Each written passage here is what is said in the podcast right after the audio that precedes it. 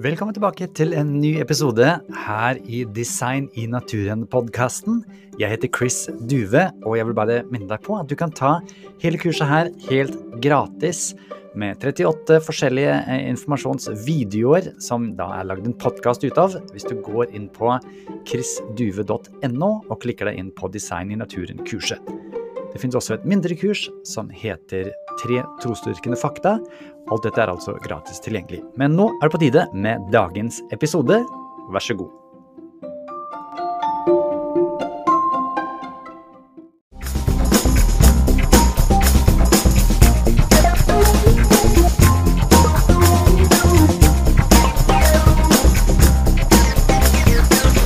Hjertelig velkommen til modul fem. Spennende. Marte og alle dere andre. Nå skal det handle om bl.a. dinosaurer eh, og fossiler. Okay. Og jeg tenkte bare å spørre deg, helt sånn spontant, -hmm. kan du huske noe om fossiler fra skolen? Ja, jeg husker absolutt sånne bilder i skolebøkene og sånn. Var Ja. folk som børsta og fant ting, og Ja, det var helt ja. utrolig og Riktig, riktig. sånne ting. Så jeg husker mye bilder av det. Husker du noe om det sånn gradvis, at de forandra seg litt og litt, eller noe sånt? Ja. Ja, ja det var jo det som var det, det, det var jo det som var poenget med det. Er at ting hadde endra seg og sånne ting. Over tid, ikke sant? Ja, absolutt. Det er det vi ofte ser i skolebøkene, men det må vi sjekke om stemmer med virkeligheten. Ja, det må vi nok. Fordi nå skal det handle om eksplosjoner. Oi. Ja. Eh, og da er det ikke sånn at altså fossilene eksploderer, men at det plutselig oppstår en masse nye dyreslag omtrent på samme tid. Ja. Det leser vi ikke så mye om i skolebøkene, men det skal vi lære om i denne modulen her, for fossiler er fascinerende. Nå er det sånn at eh, Noen tenker ja, men fantes dinosaurer egentlig på ordentlig og sånt. Det gjorde det. Det står jo til og med om dinosaurer i Bibelen, i Jobbs bok, kapittel 40, hvis du vil lese deg opp på det. Men la oss se på fossiler, og hvordan det som eh, står i lærebøkene, stemmer med det som vi finner i dag, eller muligens ikke. Gled deg til å oppdage hva eksplosjonene betyr for oss. Gjør meg. Hei, det er Chris her, og i denne undervisningsvideoen skal vi snakke om fossiler. Richard Dawkins han skriver i The Greatest Show on Earth evolusjon kunne lett bli motbevist hvis et eneste fossil dukket opp i feil tidsrekkefølge. Han mener da at denne testen har evolusjon greid uten et eneste problem. Skal vi se på saken. I denne leksjonen skal vi lære om hva en fossil er, vi skal snakke om det hevdes at fossiler støtter makroevolusjon. Krever evolusjon at fossilfunn viser en gradvis utvikling? Vi skal snakke om missing links, overgangsformer. Og hvor lenge eksisterer egentlig en dyreart i tidenes gang? Først altså, hva er en fossil? Når et dyr eller en plante dør eller blir dekka til eh, begravd levende av sand eller leire, så slutter det å flytte på seg, og da fylles det av mineraler, og de erstatter da det kjøttet eller de forskjellige delene som har eh, vært en del av dyret. Og disse mineralene blir da harde etter hvert, og så kan man finne det fossile. Eh, kan også finnes også fossile avtrykk bare av hvordan, hvor et dyr har gått eh, langs, langs en vei eller noe. Og når det finnes, da er det forstenet, eller da er det disse ansamlingene av de mineralene. Hva skal fossilene vise? I skolebøkene så skal de vise en gradvis endring, og fossilene skal være et av hovedbevisene for makroevolusjon, altså disse store endringene som vi leser om.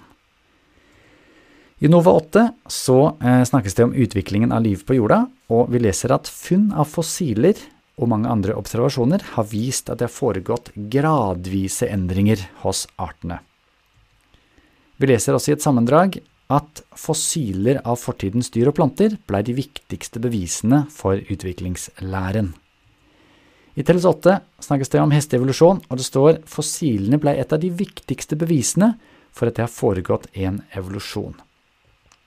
I BI så leser vi eh, i, på ei side hvor det står belegg for evolusjon, at empiri som viser at evolusjon har foregått, og hvordan det har foregått, gjennomsyrer biologien. Empiri, det er da bevis. Og her står det også videre, fossiler kan gi oss et godt innblikk i hvordan artene har utviklet seg.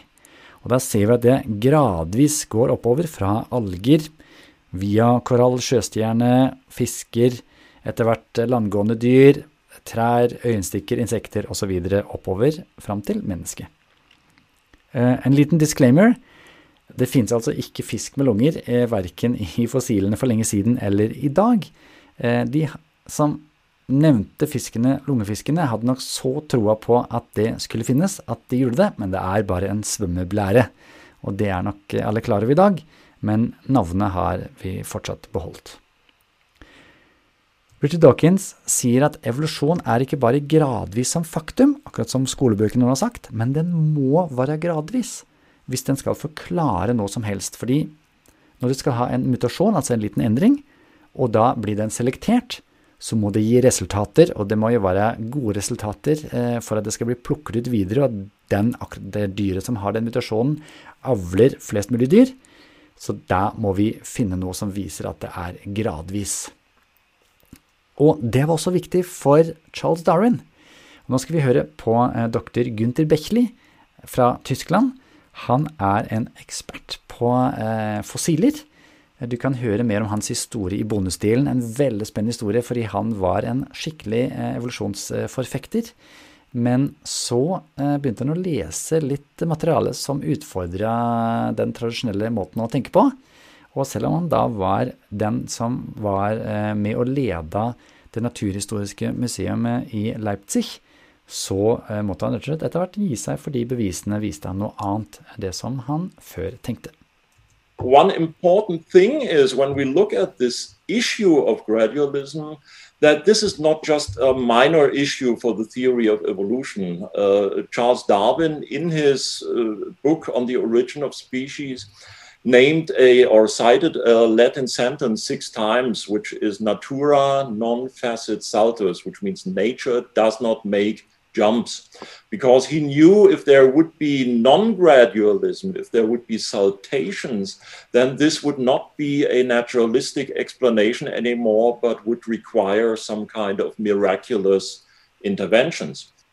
Det skal vi komme eh, videre tilbake til, men det må altså være gradvis. Hva så med missing link som viser at det er gradvis?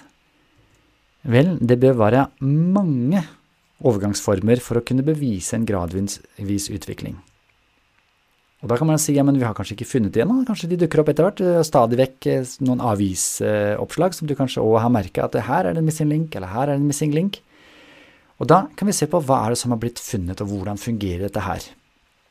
Et godt eksempel fra dr. Paul Nelson er at eh, dersom du har lyst til å bli slik strandjeger eller beachcomber, så går du langs stranda og begynner å finne masse forskjellige ting, nye ting hver dag. Etter hvert så finner du ikke nye ting, men du dobler opp, du finner ting som du har funnet før. Og etter hvert så finner du færre og færre nye saker. Dette heter collector curve, og det begynner da med, også med fossiler, at du begynner sant, med nesten ingenting. Og så får du en brå stigning av nye ting som finnes, og etter hvert så flater det ut. Dr. Gunther Bechley forklarer oss hvordan det funker.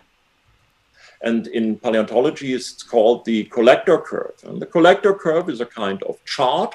And in this chart, you have a horizontal axis where you plot the effort that you have to invest to find new fossils. And then the vertical axis, you plot the number of discovered new fossil groups. And in the beginning, you have a steep curve. That means you don't have to invest a lot of energy uh, to find something interesting new.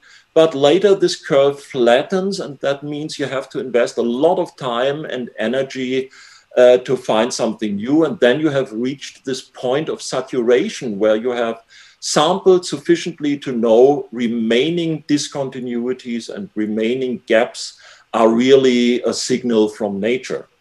And this kind of test has been done in many, many groups uh, of organisms. And we know that the fossil record is meanwhile very complete on the level that is interesting for our discussion on the macroevolutionary level, where we look at major differences in terms of, let's say, different families. There we have a very high completeness. For example, we have 80% of the families of recent vertebrates represented in the fossil record. And the same percentage you can extrapolate for different time horizons in the past. So the fossil record is only incomplete on the species level, which is not very surprising because fossilization is always a rare event, but on this level of macroevolution, we have a very good and relatively complete picture of what kinds of steps were out there. Jeg må her igjen rose Charles Darwin som vitenskapsmann, fordi han sier da selv hvorfor hvis arter har utviklet seg fra andre arter ved meget små graderte endringer, finner vi ikke utallige overgangsformer overalt. Han så det som et eh, stort motargument, som en falsifisering ikke sant, for sin teori, og han tenkte at dette kommer til å bli funnet.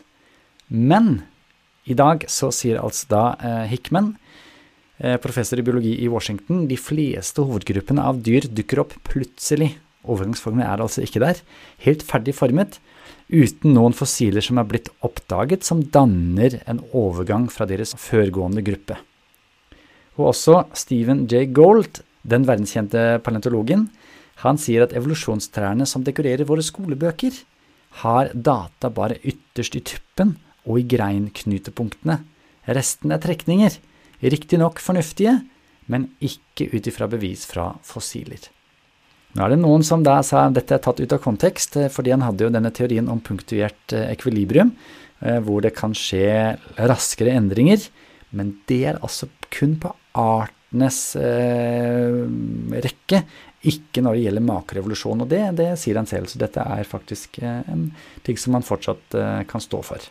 La oss ta fram igjen eh, BI biologi eh, fra Gyldendal og se hva de sier om insekter, og om disse fossilene altså finnes. Vi kan sjekke med Gunther Bechli.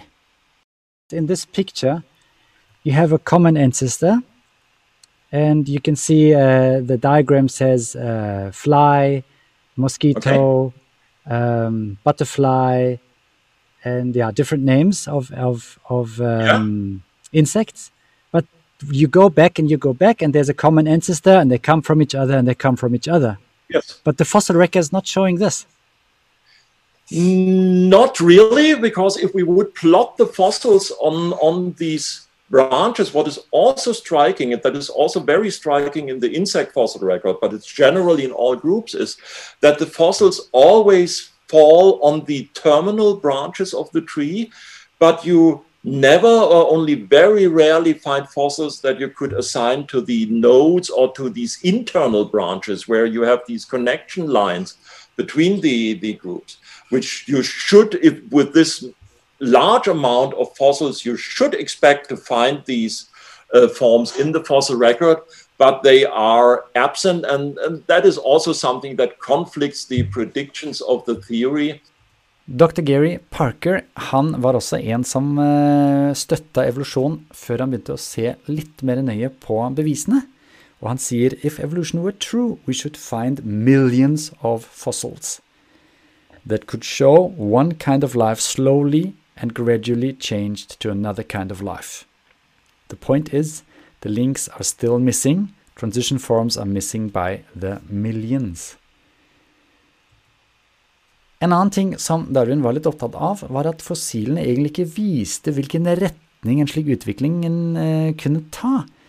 Han sier i fossilene når vi ser på detaljene, kan vi ikke bevise at en art har forandret seg, eller at forandringene har vært positive.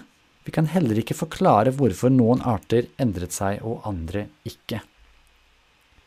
Så finnes det en spennende studie fra 2010 med dr. Gene Hunt, som er med på Smithsonian. Og han sammenligner 150 års studier om fossiler for å se hva slags retninger man kan eh, trekke her. For det står jo veldig tydelig i skolebøkene. Ehm, men han finner da at evolutionary changes are really directional, Så man har ikke denne retningen som eh, det ofte påstås at fossilene har. And net rates of change that are perhaps surprisingly slow. At det altså har vært veldig små endringer. Og plutselig disse eksplosjonene som vi skal ha i neste leksjon. Men altså nesten ingen forandring, og veldig vanskelig å si hvilke retninger disse forandringene faktisk har hatt. Not And even not even between these small species. There- There's Even- either even nothing in missing. between or it is not directional. Uh, there has been a meta study which studied 150 years of, of uh, uh, paleontological research after Darwin in terms of these species. The species transition was a study by Hunt in 2010. And what he found is that there is actually no evidence for directional change that one species changes into the other, but it's a kind of meandering, chaotic uh, variation of characters back and forth. And not that you can see that one develops into the other. And Gould and Eldridge wanted to explain this with this idea that small isolated populations uh, by phenomena like genetic drift could quickly diverge. And because they are just a small isolated population, they had a low probability to become fossilized. And then uh, when they have diverged long enough and they, uh, they spread, then suddenly a new species very similar to the other, but a different species appears on the scene. So that was to explain abrupt speciation, but not uh, saltations in the macroevolutionary sense, uh, what we have talked in, in my presentations before. So it's complete nonsense to say that Gould uh, has done away with it. Viktig å legge merke til her at uh, saltations, altså disse hoppene, det var ikke uh, noe som Gould heller kunne forklare. Mer om det i neste leksjon. Du husker fra Richard Dawkins at han sa at hvis fossiler dukker opp i feil rekkefølge, så hadde alt blitt motbevist. Nå har evolusjon større utfordringer enn som så, fordi det gradvise opplegget, det er det som er, ja, eller ikke er der, eh, som vi skal se i neste leksjon.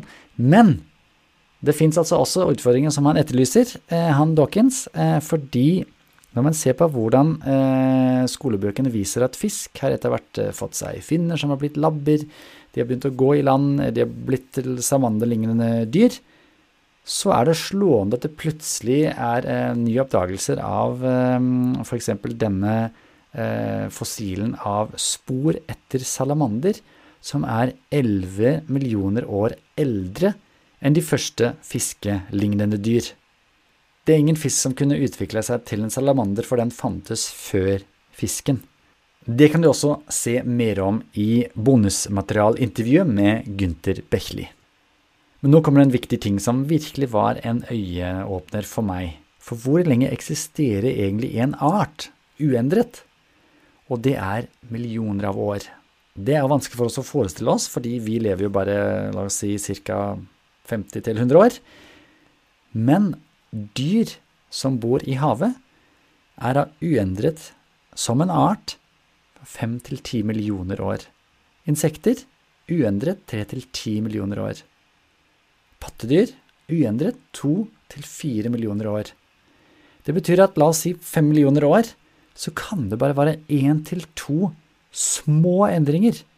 Altså en, en endret uh, farge over øyet. Det er den endringen vi snakker om i løpet av fem millioner år. For det skal ta tak, det skal bre seg ut i en populasjon osv. Husk det. Fem millioner år eh, varer altså som gjennomsnitt disse artene. Og da i løpet av 20 millioner år så kan det altså for insekter bety kun fire små endringer. Eller for pattedyr kanskje åtte små endringer. 20 millioner år.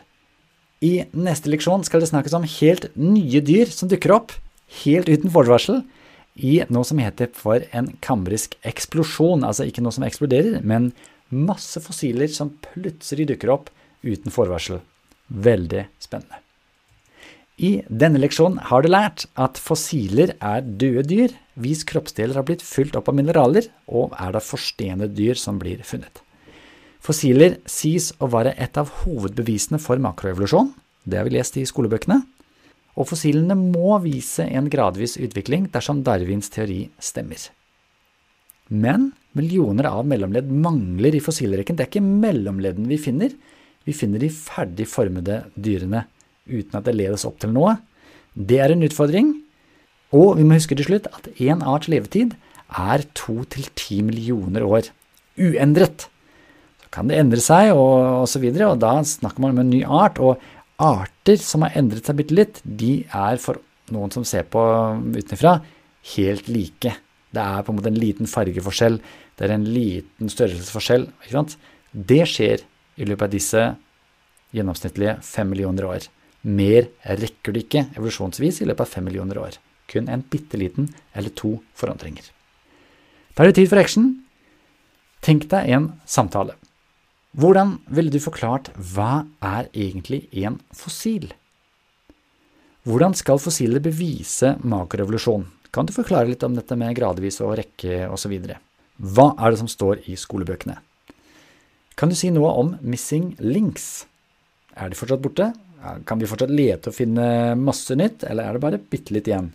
Og hvor lenge eksisterer en dyreart? Hvorfor er det viktig for å forstå tidsskjemaet her?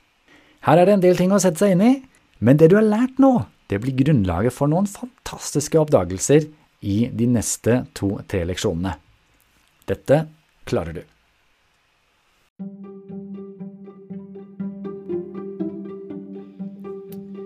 Igjen, dersom du ønsker å få tilgang til de hjelpearkene eller oppgavearkene, så er det jo fullt mulig for deg å signe opp til kurset. Da går det an å laste det ned. Hvis du går inn på chrisduve.no, så ser du all informasjonen der. Dersom du ønsker å støtte denne podkasten og annet arbeid som jeg holder på med, kan du også lese mer om det på chrisduve.no. Takk for nå.